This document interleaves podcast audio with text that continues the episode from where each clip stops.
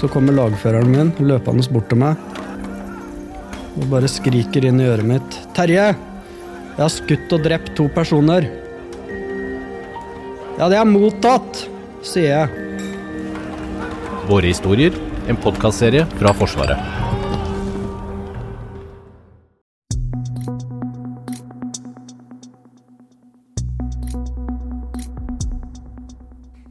Norges grense mot Russland er nå den eneste åpne grensa mellom Schengen og Russland.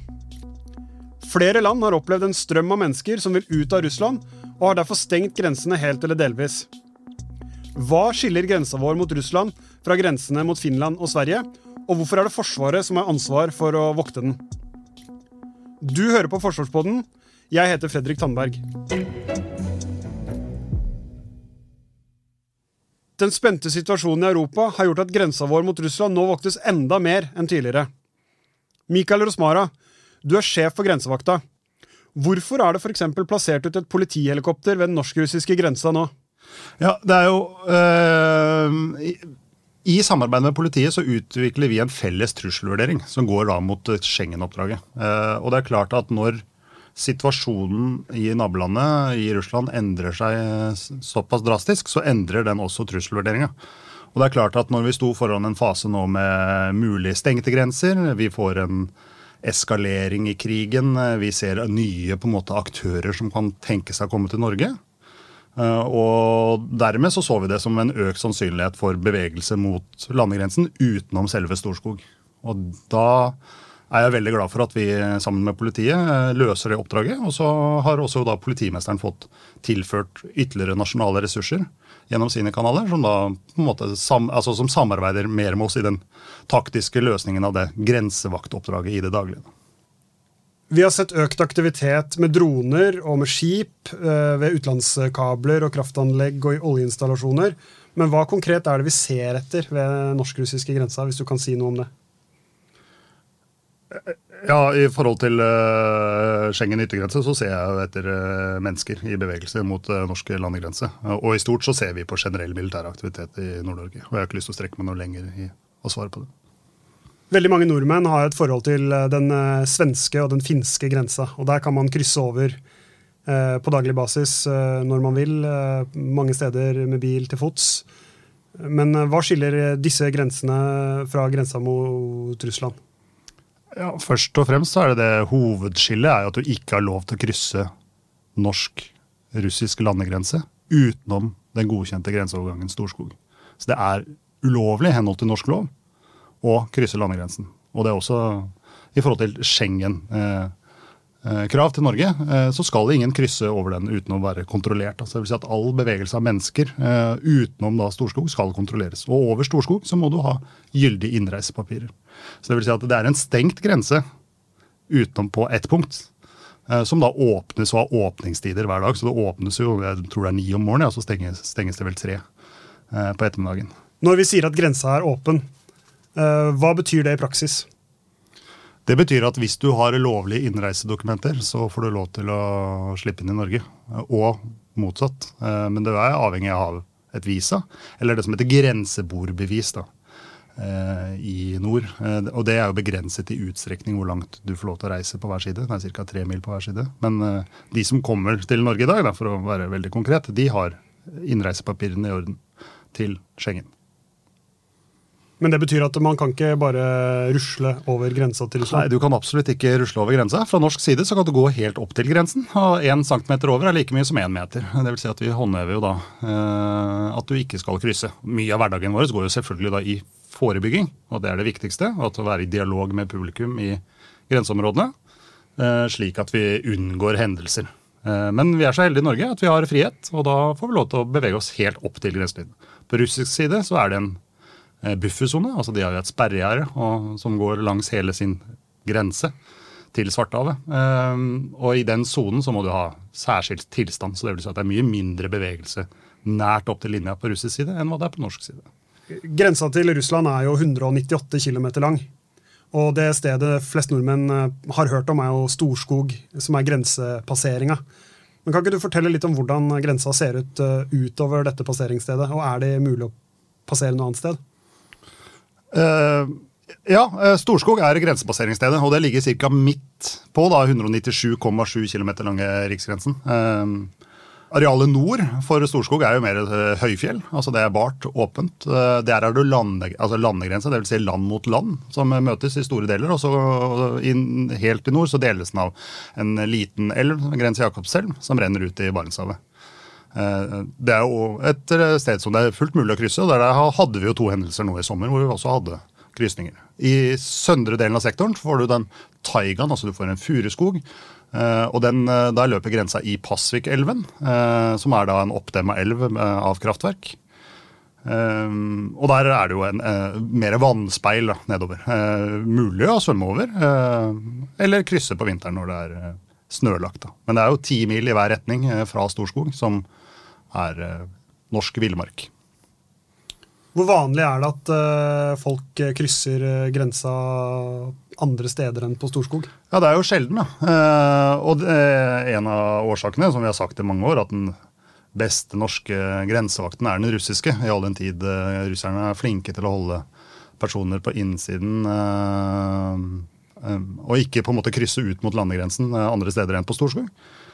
Eh, og fra norsk side, hvor det ikke har vært noe interesse over å krysse landegrensen utenom Storskog til Russland. Eh, men hendelser da som krysser landegrensen, er sjelden. Vi har liksom sånn sagt de siste 20 åra at det er en halv hendelse i året. Altså lese en hvert andre år. Eh, men nå hadde vi to nå i sommer og tidlig høst. Og det er for lite til å si at det er en statistisk endring, men vi har i hvert fall hatt nylig to hendelser hvor først én person og så en familie på tre som kryssa landegrensen. Og hvem er disse menneskene? Ja, jeg skal ikke komme så veldig mye, men det er russiskere. Eh, det er russere som har eh, valgt å krysse over landegrensen og søkt asyl. Eh, det som er nytt i dagens trusselbilde, det er jo at uh, nå ser vi mm, befolkningen fra Russland som uh, kanskje er villige til å krysse over, kontra tidligere, hvor det var flyktningkrisen i 2015, hvor det var tredjelandsborgere, altså det var Syria og Afghanistan, som har vært flyktningstrømmen i nord, da, og, og mennesker som har uh, krysset mot Storskog og, og, ønsket å komme over og søke asyl. Mens nå har vi jo hatt tilfeller av russere som har søkt asyl i Norge. Men hva skjer hvis det kommer noen fra russisk side over grensa? da? Ja, det som skjer er jo at vi, Vår jobb er å detektere eh, en situasjon, og dermed så isolerer vi den. Eh, og så er det en trusselvurdering. Eh, er det en høy trussel eller lav trussel? Er det en høy trussel, så søker vi at det er politiet som gjennomfører selve pågripelsen. Altså med sine eh, utrykningsenheter. Uh, vurderes situasjonen til å være en lav trussel, så pågriper vi selv. Og Da vil vi anholde og innbringe personellet og overlevere den til politiet, som tar den videre saksgangen. Og disse Grensevaktene de er jo i utgangspunktet vernepliktige soldater som jo løser et spesielt oppdrag mm. eh, fra før av. og Hvordan påvirker situasjonen det oppdraget i dag? Ja, i sånn, uh, sånn, fysisk så påvirker det jo egentlig ikke så veldig mye. Altså, Vi løser det samme oppdraget som vi har løst før, og det er det samme området som vi har løst før, og det er det samme klimaet som vi har hatt før. Men det er jo klart at mentalt så påvirker jo situasjonen på den andre siden. Og det, den eh, forståelsen av hvorfor oppdraget er viktig, eh, den har jeg sett en endring på. Eh, og, ikke, og, vi opplever jo også at soldatene er eh, det, er lettere å på en måte forstå hvorfor vi trener på det vi trener på, og hvorfor vi opererer sånn som vi gjør. Fordi at verden er annerledes. Hva tenker de nå når du prater med dem? Hva, hva forteller de til deg? De er veldig stolt av den tjenesten de gjennomfører. Og de er veldig fornøyd med at eh, de har valgt å avtjene førstegangstjeneste. Og så setter de Det uttrykker at de setter veldig pris på tjenestegjøre i Jegerbataljonen og GC og grensevakta. Eh, de syns situasjonen er annerledes. Eh, det, det, er ikke noe sånn åpenbart nervøsitet eller usikkerhet, men det er jo en sånn spenthet i avdelingen. Og det er til mottoet vårt 'alltid klar', så er det klart som både er en mentalt og en fysisk uh, har en mental, mental, og fysisk dimensjon, så er det klart at uh, soldatene forstår det mottoet mye tidligere. Hva slags myndighet har de norske grensevaktene? I tillegg til å være en militær styrke og ha på en måte juss som militær vakt, så har vi jo politimyndighet. Eh, det ofte omtales som begrenset politimyndighet. Eh, I mitt perspektiv så er det feil, for vi har full politimyndighet, men vi har begrenset til grenseloven. Så det vil si at vi kan eh, med full myndighet håndtere brudd på grenseloven. Men jeg har ikke noe videre utstrekning utover det. Så fyllekjøring i passuketalen er ikke min jobb. Nei, men hva konkret, hva slags uh... Jeg kan pågripe anholde uh, norske borgere også, og, og turister eller uh, ulovlige innvandrere på norsk jord. Kan ikke du fortelle litt om hvordan hverdagen til disse grensevaktene er? Og om, er, og om den på en måte er annerledes nå enn den var for, for noen måneder siden? Jo, jeg skal, jeg skal, svare direkte på det spørsmålet, men jeg har lyst til å på en måte putte det i en litt større kontekst. Da, for jeg har en stor avdeling eh, hvor jeg har deler av avdelingen min som bare trener. Som kun driver styrkeproduksjon av militærmakt. Og som er eh, tilgjengelig for forsvaret av Norge til enhver tid. Eh, for de andre som er allerede utdannet eh, og er, står ute på grensen, så består hverdagen av observasjon fra ulike faste infrastruktur eller fra tilfeldig valgte posisjoner i landet, eller patruljering. Både skjult og åpent. For å ha en god nok evne til å kunne detektere brudd på norsk eh, riksgrense. Ja, og Hvordan er dagens grensevakt bygd opp? Dagens grensevakt består av fem kompanier og en stab. Dagens grensevakt har to sjefer. Eh, åpenbart militærsjef, og jeg svarer den militære linja, og er finansiert og ressurssatt gjennom den militære linja. Og så er det blå oppdraget som jeg får direkte fra politimesteren i Finnmark, eh, som er Schengen yttergrensekontroll. Eh, og der eh, passer vi på grenselinja og de Schengen-kravene og Schengen-bestemmelsene, samtidig som vi da, det grønne oppdraget, eh, driver suverenitetshevdelse, forsvar av Norge. Og ikke minst bidrar til en situasjonsforståelse i nordområdene. Og Kan du si litt om hvilke spesielle regler som gjelder for grensa mot Russland? Ja, eh, Det ene er jo grenseloven. da. Tidligere hadde vi jo utlendingsloven og riksgrenseloven, som er de to eh, politimessige oppgavene og de lovverkene vi forholder oss til i forhold til grensekontroll. Den er nå slått sammen til én nå, som heter grenseloven. Uh, og Grenseloven regulerer jo da ferdsel av de som er lovlige i Norge i forhold til grenselinja. At du ikke har lov til å krysse grensa, du skal krysse over Storskog hvis du skal til Russland osv. Men så er det jo en bilateral avtale mellom Norge og Sovjetunionen, som nå er da Russland, som er hvordan vi forvalter, og en pragmatisk egentlig avtale om hvordan man forvalter og oppfører seg i grenseområdet. Og den har jo en del Eh, hva skal jeg si, særegenheter som ikke er regulert i norsk lov, men sånn kameraforbud, f.eks. som det står at det er ikke lov til å ta bilde med linse over 200 mm, og så er det åpenbart en, en gammel um, bestemmelse, men det er fortsatt disse bestemmelsene som vi holder ved hevd i det bilaterale samarbeidet mellom Norge og Russland som fortsatt da, pågår i forhold til den grensedelen i dag. Og Da er det jo et uh, naturlig oppfølgingsspørsmål. Hvorfor har vi en militær grensevakt? Ja, Da tror jeg nesten vi må gå over 100 år tilbake i tiden for å svare på hvorfor vi har en militær grensevakt. Altså. Fordi eh, det, det, er åpenbart historisk forankret, og det henger i suverenitet, som kanskje er kjernen i hva vi også er i dag. altså Vise norsk suverenitet og beskyttelse av norsk landegrense. Og Det stammer jo tilbake til slutten av 1800-tallet, hvor Eh, den eh, finsk borgerkrigen eh, pågikk, og i forhold til kontakt med da Sovjetunionen, så var det en, et behov da vi ikke hadde beskyttelse av landegrense i nordområdene i det hele tatt, altså i Nord-Norge. og, og, altså, og vise at dette var norsk land og norsk hevd. så utviklet det seg til en nøytralitetsvakt under første verdenskrig som videre da gikk over i en grensevakt. Så det startet med, med at man sendte militære styrker. Og så har det jo vært forskjellige konstellasjoner opp gjennom tiden. Vi hadde jo da en periode fra 45 til 59 med ulike Altså både politistyrker og en eh, sivil eh, grenseoppsynsstyrke, fram til man hentet tilbake i 59 grensevakta da, altså, og militære styrker og garnisonen i Sør-Varanger. Det var det korte svaret fram til 59, og så er det fullt mulig og masse detaljer inni det. Og så fra 59 så får du på en måte den kalde krigen. Du får en infanteribataljon og en stående avdeling som forsvar av Norge. Eh, som i tillegg løste grensevaktoppdraget.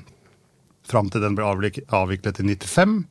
Og så får du da videre Schengen-oppdraget som kommer da i 2000 og blir effektuert i 2001. Og så har vi stått med det fram til egentlig 2015, hvor vi nå henter tilbake igjen til det, også det forsvaret av Norge og en stående avdeling som løser noe mer enn bare grensevakt. For grensevakt for meg er ett oppdrag. Og ett oppdrag av flere oppgaver og oppdrag. De siste ukene så har det jo vært eh, mye skriverier om eh, stengte grenser mellom Russland og Vesten. Hvordan er situasjonen på grensa vår nå? Det norsk-russiske grensa er ikke stengt fra russisk side. Det er trafikk over grensa hver dag. Eh, og det er russere som reiser over og flyr videre ut i Europa via Kirkenes. Eh, det var jo en dag her hvor eh, det ble rapportert og meldt, og det ble en mediesak rundt at grensa var stengt. Eh, hvor, det, hvor, bevegelsen plutselig stoppet opp. Men den startet igjen dagen etter. Eh, og så vil jeg ikke spekulere i hva som skjedde akkurat i de timene. Hvem er de menneskene som kommer over grensa på Storskog, da? Ja, Nå er det faktisk altså det er alt mulig, men det har vært en, en trafikk av unge menn, eller menn i stridsdyktig alder, for, eh, som har kommet over eh, de siste dagene. Og det har vært flere som har kommet til Norge enn som har dratt fra Norge til Russland. Og Det ser vi også både på hotellovernattinger i byen, og vi ser det også på fulle fly. Det har vært en periode ganske fullbooka fly sørover. Hvis grensa stenges, stenger vi ikke da inne russerne som ikke ønsker å delta i krigen i Ukraina? Ja, det kan jo godt hende, det. Det er jo for så vidt ikke mitt oppdrag å svare på det spørsmålet. I så fall det vil være et politisk spørsmål. Eh, for min del så vil jo det se at da vil jo trusselen mot landegrensene øke. Hva, hva, skal til for at grensa stenges, da? Ja, det, det er også et politisk spørsmål igjen. Jeg tror nok heller at eh, den stenges tidligere på den andre siden eh, for bevegelse mot Norge, enn at eh, Norge stenger den på norsk side. I, slik jeg leser det store bildet, så er det jo i, i norsk interesse å vise åpenhet og fortsette som før. Med menneskers rett til å bevege seg. Men det er klart at en eskalering politisk og en tilspissing av situasjonen kan jo føre til at Norge velger å stenge sine grenser mot Russland. Kan det tenkes at det også kommer russere over grensa som ikke har eh, bare gode hensikter? Ja, Det er ikke opp til meg å vurdere i hvilken grad uh, åpenbart at sånne ting kan skje. Uh, men det er da opp til uh, politiet og PST å vurdere hvilke mennesker som kommer over og deres hensikter. De menneskene som passerer grensa ulovlig, da, hva skjer med de? Ja, de, de, blir eh, tatt imot uh, av norske myndigheter. Og så blir de behandlet som enhver asylsøker. Så den blir på en måte tatt imot og forvalta og sendt til et asylmottak. Og så går saksprosessen sånn som man går med alle andre asyl, asylsøkere. Kirkenes er jo ikke en veldig stor by, uh, så jeg går ut fra at du får med deg det som skjer der oppe. Hvordan preger det her byen og, og samfunnet der oppe? Ja, det, det, er et sånt spørsmål vi også veldig ofte snakker om, og vi har snakket mye om siden 24.2. Eh, for det er klart at eh, Kirkenes er jo en by som har en viss andel av russisk befolkning, eller tilknyttet uh, familiært til Russland. Uh, vi har sett veldig lite i bybildet, som, eller i byen som går på sånn direkte altså konflikter mellom barn eller på skole og sånne ting. har vi i hvert fall Det som tilflytter meg. da. Men det er jo klart at den i det siste så har vi Det er synlig med russere i bybildet. Uh, og det er jo mer eller mindre i hvert fall ukentlige demonstrasjoner utenfor det russiske konsulatet. Og det er også uh, biler med på en måte stopp krigen uh, og russiske, nei, ukrainske farger som har malt ukrainske farger og sånn. som blir, Så det er synlig i bybildet, uten tvil. altså.